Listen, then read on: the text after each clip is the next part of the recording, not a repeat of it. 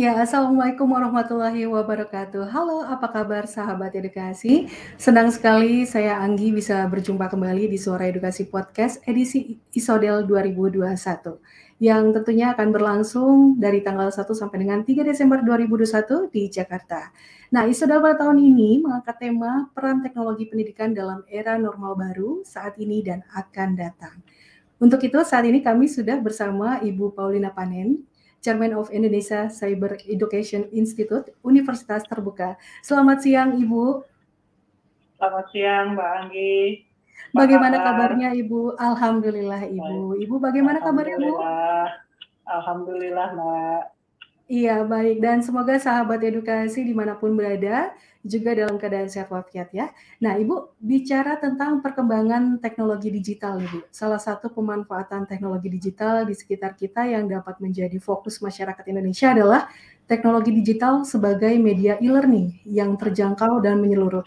Nah, bagaimana cara pemanfaatan teknologi sebagai media pembelajaran di era revolusi 4.0 ini, Ibu? Terima kasih, Mbak Anggi. Pertanyaannya ya. menarik sekali ini.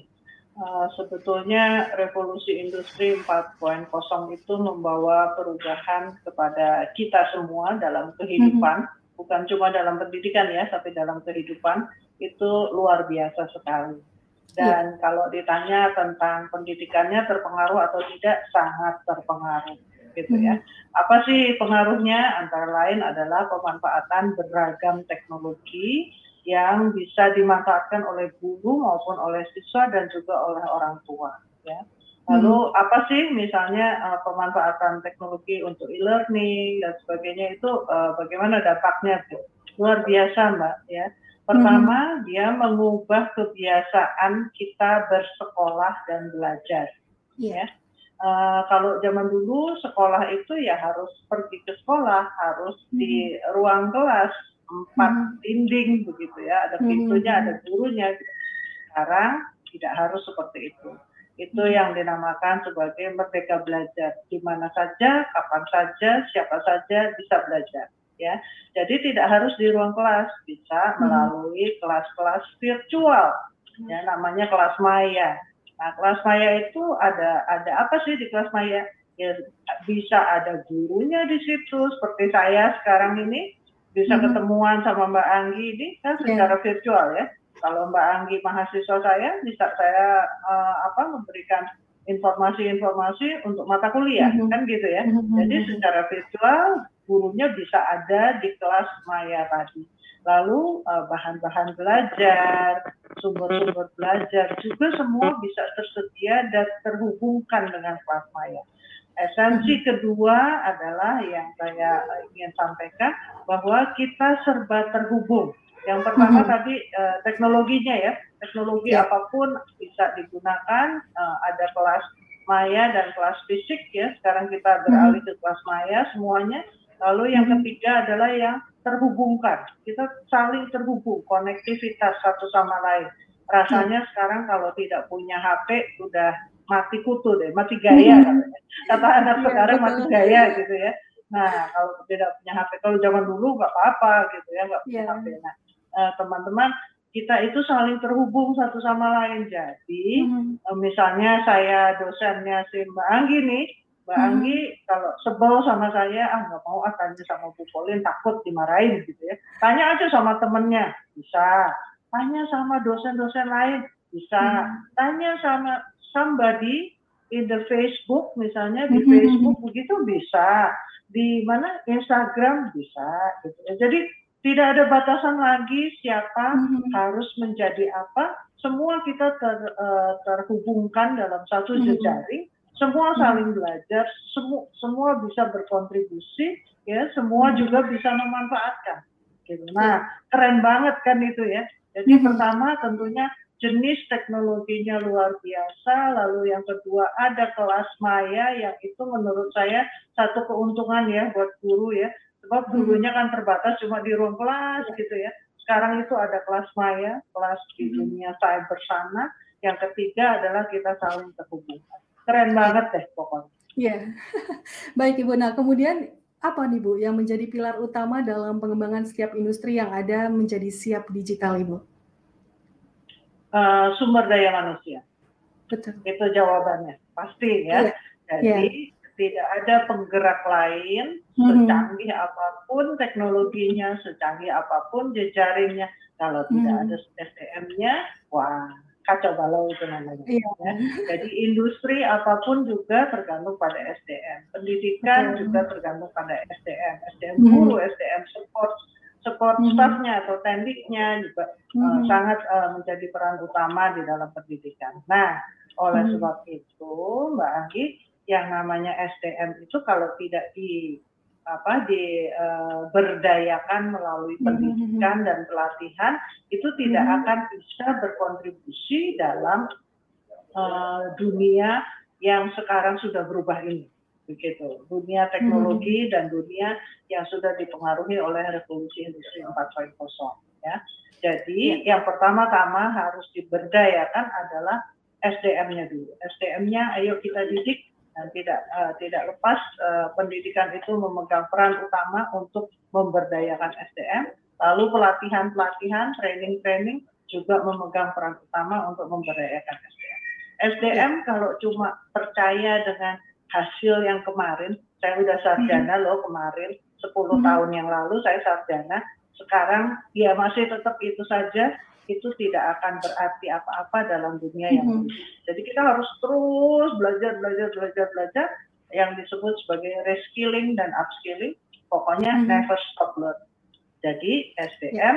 yang never stop learning yang melalui pendidikan diberdayakannya atau melalui pelatihan. Itu penggerak utama untuk mm -hmm. industri kita, semua industri ya, yeah. uh, Mbak Anggi, bergerak mm -hmm. maju di dalam era digital.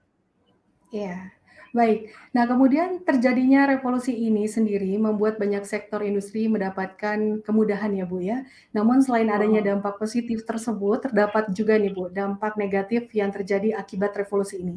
Dampak dari adanya revolusi industri 4.0 itu apa nih, Bu? Kalau mau dilihat-lihat negatifnya banyak ya, Mbak. Ya, yeah. antara lain pertama adalah yang paling terkenal hoax. Mm -hmm. Yeah. Ya kan?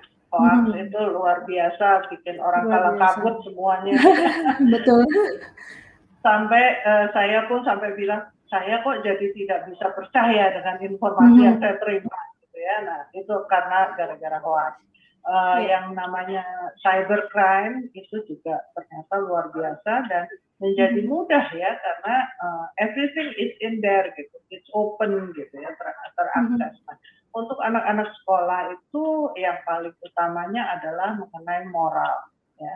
Jadi yeah. banyak sekali uh, apa namanya konten-konten di dalam internet di Google eh, yang mm-hmm. sudah bisa terakses secara digital itu ternyata kontennya itu merusak moral anak-anak kita. Padahal anak-anak kita itu harus diharapkan kan moralnya tetap uh, apa berdasarkan Pancasila ya sehingga mm-hmm. nanti uh, apa generasi depan generasi emas Indonesia itu bisa mencapai 100 tahun Indonesia gitu ya. Kita kita kan udah udah mau turun nih udah mau mm-hmm. menghilang nih gitu ya. Mereka yang melanjutkan uh, apa namanya ke kehidupan bangsa Indonesia nah, moralnya harus tetap dijaga ini ya. Jadi jangan mm-hmm. sampai dirusak oleh konten-konten yang luar biasa. Tidak bermoral dari yeah uh, berbagai uh, apa namanya perubahan yang terjadi yang difasilitasi hmm. oleh teknologi uh, yang masa sekarang. Baik, nah ini bicara tentang e-learning nih Bu. Apa manfaat dari penerapan e-learning sebagai solusi pembelajaran di masa pandemi seperti saat ini Bu? Wah, manfaatnya banyak banget begitu ya. Uh, terus terang saja ketika apa namanya ketika kita mengalami pandemi itu kan mm -hmm. uh, relatif selama sebulan kita bingung-bingung gitu ya. Tapi yeah. setelah sebulan itu kata uh, Dirjen Dikti nih ada penelitiannya mm -hmm. itu langsung perguruan tinggi itu semuanya berubah menjadi uh, memanfaatkan pembelajaran daring ya. Kemudian sekolah-sekolah uh, juga seperti itu ya. Nah, mm -hmm. Kalau istilah saya mendadak daring.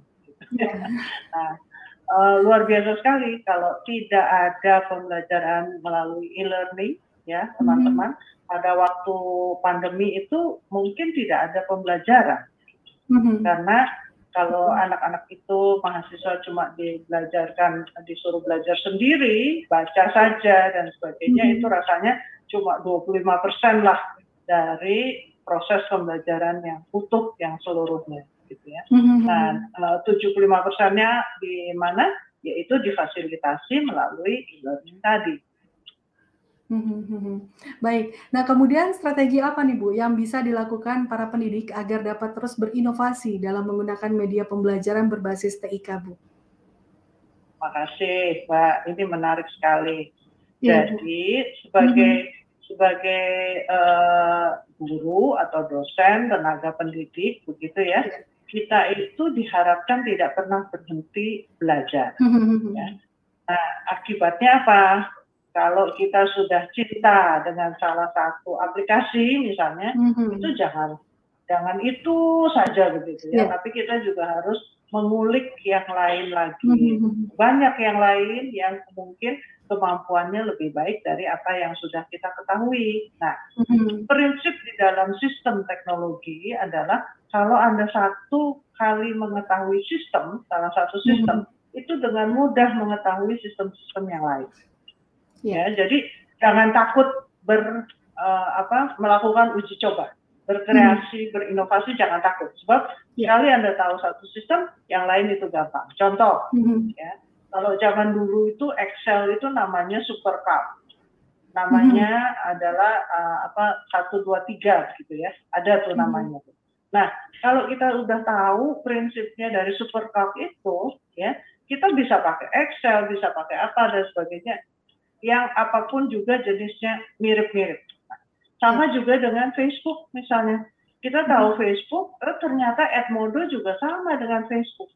ya. Hmm. Nah, seperti itu. Jadi nggak harus kita terpaku dengan satu uh, jenis saja. Sekarang hmm. itu sudah banyak sekali. Jadi setiap kali kita diharapkan hmm. untuk selalu lihat lagi apa sih yang ada, selalu cari lagi di internet apa sih yang baru nih, gitu ya. Mm-hmm. Dan rasanya uh, banyak sekali yang baru yang disuguhkan kepada kita, asal hmm. kita mau saja, Bapak Ibu ya, dan uh, Mbak Anggi, asal kita mau hmm. menggunakannya, itu pasti bisa. Iya.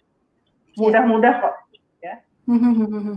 Yang penting mau belajar terus ya, Bu, ya? Iya, gitu. Iya, baik. Nah, Bu, bicara tentang pembelajaran jarak jauh nih, Bu. Tidak semua daerah mempunyai uh, kapasitas atau mungkin jaringan internet yang bagus begitu ya.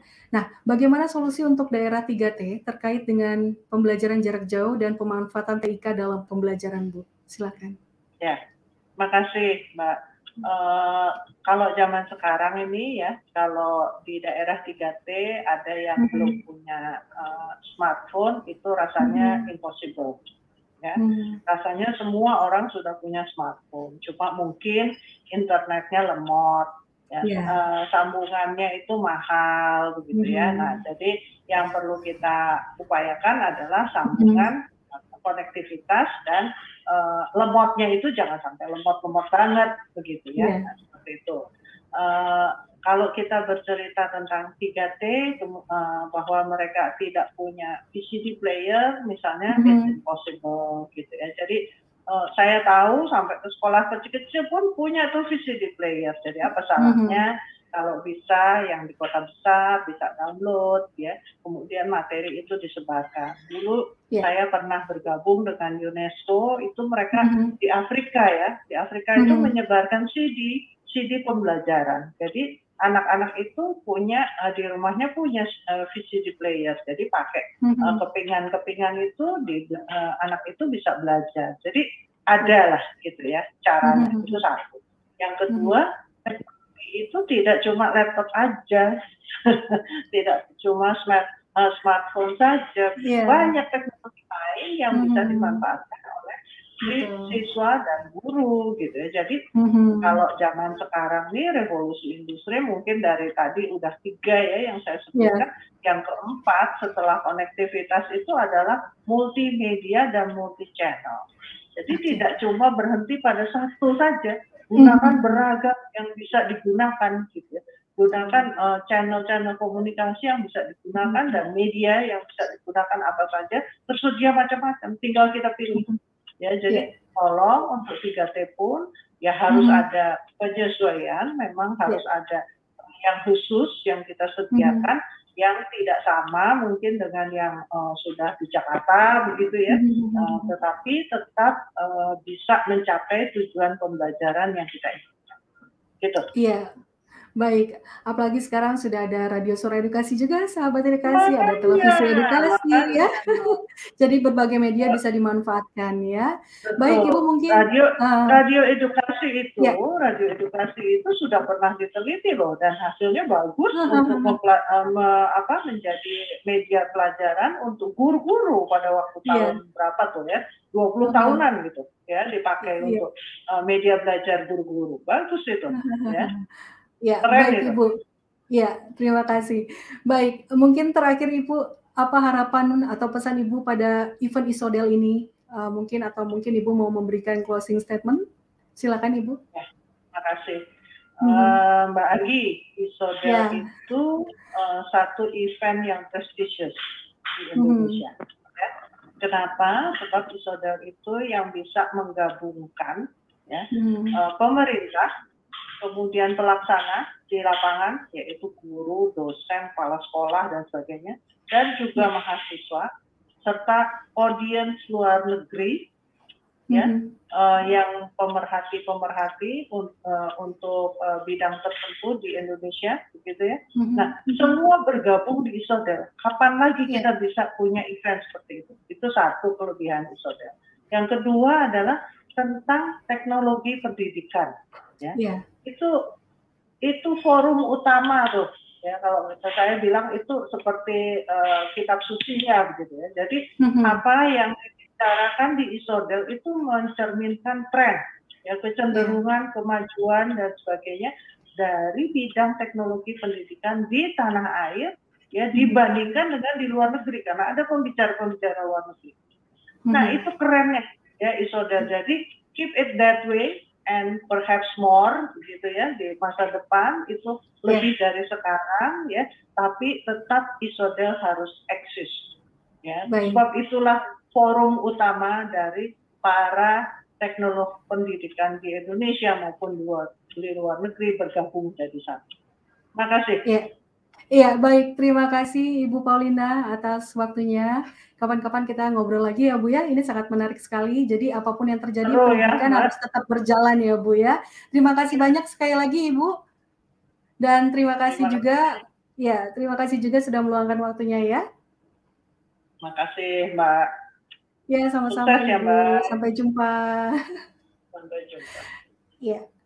Baik, sahabat edukasi, setelah mengetahui beberapa contoh dari pemanfaatan teknologi digital dan dapat dikatakan saat ini kehidupan manusia sangat mengandalkan bantuan teknologi dalam kehidupan sosial ya dan juga ekonominya. Jadi, sekian perbincangan kita pada Suara Edukasi podcast kali ini. Semoga pembahasan kita hari ini dapat bermanfaat untuk sahabat edukasi semua dan nantikan terus Suara Edukasi podcast terkait dengan pelaksanaan ISODEL 2021. Dan podcast ini bisa disimak melalui Spotify di Suara Edukasi Podcast, YouTube Televisi Edukasi, dan pastinya di laman isodel.kemdikbud.go.id. Saya Anggit Pambi undur diri. Terima kasih kepada seluruh kru Suara Edukasi yang bertugas. Salam sehat dan wassalamualaikum warahmatullahi wabarakatuh.